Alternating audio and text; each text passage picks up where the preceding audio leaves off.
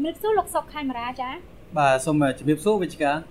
ចាថ្ងៃនេះគឺជាថ្ងៃទី3នៃកិច្ចប្រជុំកំពូលអាស៊ានលើកទី40និង41ព្រមទាំងកិច្ចប្រជុំពាក់ព័ន្ធផ្សេងផ្សេងទៀតនេះខ្ញុំចង់ជម្រាបសួរលោកខេមរាថាតើនៅថ្ងៃនេះតាំងពីព្រឹកមកមានព្រឹត្តិការណ៍សំខាន់សំខាន់អ្វីខ្លះកើតឡើងដែរចា៎បាទនៅក្នុងព្រឹត្តិការណ៍ថ្ងៃនេះដែលជាកិច្ចប្រជុំកំពូល អាស៊ានលើកទី40និង41មានព្រឹត្តិការណ៍មួយចំនួនហើយខ្ញុំអាចសង្ខេបបានថាមានព្រឹត្តិការណ៍3ដែលមានការចាប់អារម្មណ៍ខ្លាំងបាទទី1គឺដំណើរមកដល់របស់លោកប្រធានាធិបតីសហរដ្ឋអាមេរិក Joe Biden ដែលលោកអញ្ជើញមកដើម្បីចូលរួមនៅក្នុងកិច្ចប្រជុំកម្ពុជាអាមេរិកអាស៊ាននៅក្នុងប្រទេសកម្ពុជាហើយក៏មានជំនួបទ្វេភាគីរវាងលោកនាយករដ្ឋមន្ត្រីហ៊ុនសែននិងលោកប្រធានាធិបតី ផងដែរបើតាមការគ្រោងទុកនេះបាទហើយអញ្ចឹងហើយនៅក្នុងជំនួបឬក៏ដំណើរទស្សនកិច្ចនេះមានការចាប់អារម្មណ៍យ៉ាងខ្លាំងដោយសារថាឃើញតាមប្រព័ន្ធ social media គឺមានប្រជាពលរដ្ឋខ្មែរបានចូលទៅធ្វើ comment នៅលើបណ្ដាញសង្គមបណ្ដាញ Facebook របស់ VOA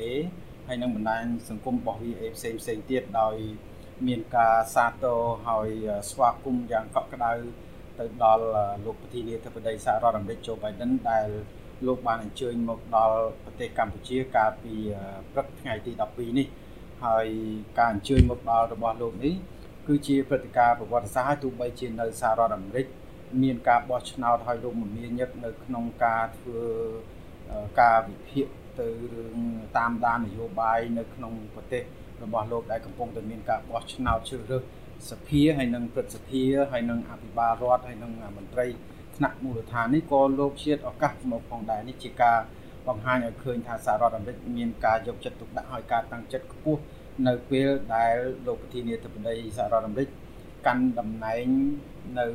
ពេលនេះក្រោយការបោះឆ្នោត2ឆ្នាំមកនេះអញ្ចឹងហើយព្រឹត្តិការណ៍នេះគឺជាព្រឹត្តិការណ៍មួយដែលមានការយកចិត្តទុកដាក់មិនត្រឹមតែពលរដ្ឋកម្ពុជាទេគឺ មេដឹកនាំពិភពលោកកំពុងតែសម្លឹងទៅមើលការវិវត្តនយោបាយនៅសហរដ្ឋអាមេរិកហើយនឹងដំណើរទស្សនកិច្ចរបស់លោក Joe Biden មកកាន់ប្រទេសកម្ពុជា ដែលជាកន្លែងប្រជុំកំពូលអាស៊ានហើយកម្ពុជាធ្វើជាម្ចាស់ផ្ទះនៅក្នុងប្លុកនេះដែលជាប្លុកមួយមានការ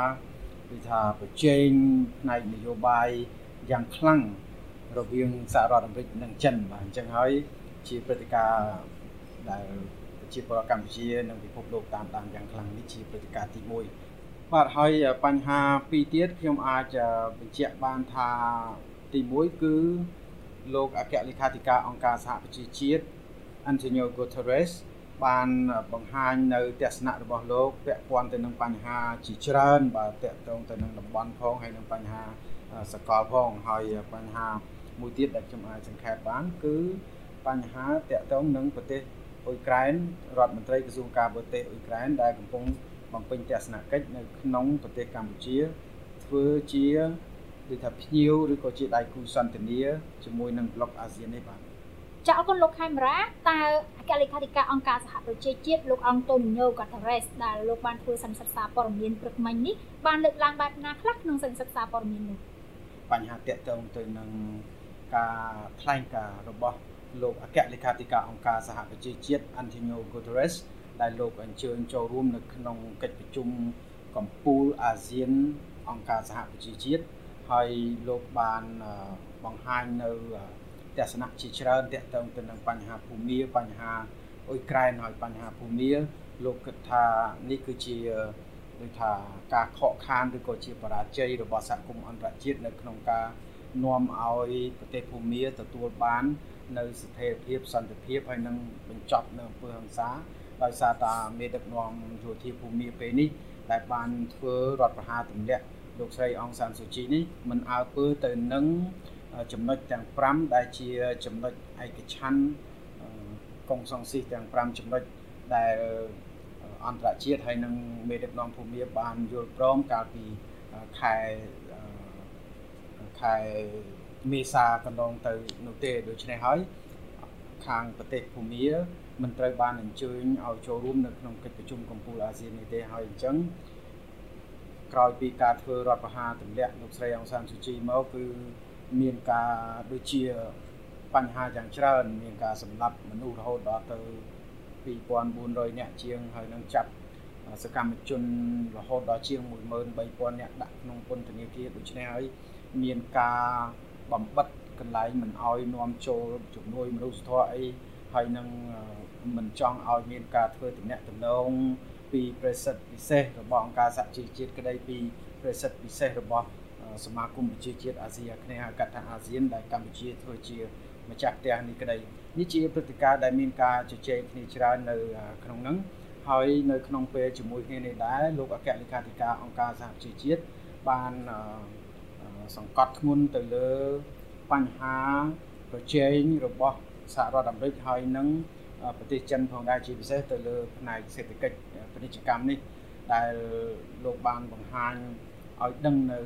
ទស្សនៈរបស់លោកថានេះគឺជាបញ្ហាមួយដែលជារឿងផុយស្រួយឬក៏ជាការប្រឈមយ៉ាងខ្លាំងនៅក្នុងតំបន់ឬក៏សកលដោយសារតែ មានការប្រជែងអំណាចឬក៏ឥទ្ធិពលយ៉ាងដូចនេះប៉ុន្តែទោះជាយ៉ាងណាក៏ដោយលោកបានបង្ហាញឲ្យឃើញថាអាស៊ាន បានដើរតួនាទីយ៉ាងសំខាន់នៅក្នុងការធ្វើជាស្ពានឬក៏អាចនឹងមានតួនាទីសម្របសម្រួលនៅក្នុងបញ្ហាទាំងឡាយរបស់សកល ដែលកំពុងតែប្រឈមមុខរឿងសេដ្ឋកិច្ចនយោបាយក្រោយពេលដែលមានជំងឺ Covid ហើយនឹងបញ្ហាដែលជាសង្គ្រាមនៅក្នុងប្រទេសអ៊ុយក្រែនដែលរុស្ស៊ីកំពុងចូលជ្រៀតពៀនទៅក្នុងប្រទេសអ៊ុយក្រែនហើយមានការថ្កោលទោសនិងដាក់ទណ្ឌកម្មជាអន្តរជាតិលើប្រទេសរុស្ស៊ីហើយក៏មានវិបត្តិហិរញ្ញវត្ថុវិបត្តិអតិផរណាឬក៏បញ្ហាវិបត្តិស្បៀងអាហារយ៉ាងច្រើនហើយនៅក្នុងនោះគឺថានេះគឺជាបញ្ហាមួយដែលសកលលោកកំពុងតែប្រឈមមុខយ៉ាងខ្លាំងទោះជាយ៉ាងណា លោកអគ្គលេខាធិការអង្គការសហជីវជាតិទទួលស្គាល់ទូនាទីដ៏សំខាន់របស់អាស៊ានដែលអាចនឹងជួយផ្សះផ្សាអំពីរឿងនេះបានដូចជាកម្ពុជាដែលជាម្ចាស់ផ្ទះរបស់សមាគមអាស៊ានបានធ្វើរួចទៅហើយចុះរដ្ឋមន្ត្រីការបរទេសអ៊ុយក្រែនលោកឌីមីត្រូ គូលេបាវិញគាត់បានលើកឡើងអ្វីខ្លះដែរនៅក្នុងសន្និសិទសារព័ត៌មានព្រឹកមិញដែរខ្ញុំអាចបញ្ជាក់បានថាខាងលោករដ្ឋមន្ត្រីក្រសួងការបរទេស របស់ប្រទេសអ៊ុយក្រែនវិញគឺលោក Dimitri Kuleba គឺលោកបានបង្ហាញឲ្យឃើញពីទស្សនៈរបស់លោកថានៅក្នុងសមាគមប្រជាជាតិអាស៊ីអាគ្នេយ៍នេះប្រទេសអ៊ុយក្រែនមានការអរគុណទៅដល់សមាគមប្រជាជាតិអាស៊ីអាគ្នេយ៍ជាពិសេសដល់ប្រទេសកម្ពុជាដែលជាប្រធានអាស៊ាននៅឆ្នាំនេះដែលបានទទួលយកប្រទេសអ៊ុយក្រែនជាដៃគូ សន្តានាហើយប្រទេសអ៊ុយក្រែននឹងធ្វើការងារបន្តទៅទៀតជួបជាមួយនឹងរដ្ឋមន្ត្រីក្រសួងការបរទេសរដ្ឋមន្ត្រីការបរទេសនៅក្នុងសមាគមនេះជាច្រើនដើម្បីនឹង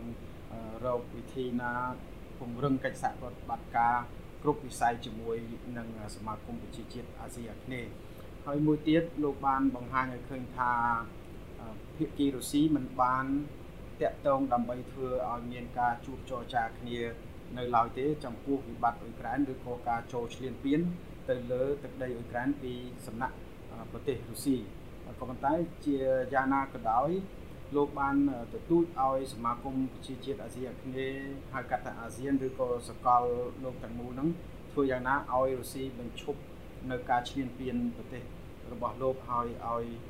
ធ្វើយ៉ាងណាឲ្យមានការចរចាឲ្យវិលមករកនៅស្ថានភាពធម្មតាបញ្ចប់នៅ អរិភាពទាំងនោះហើយនឹង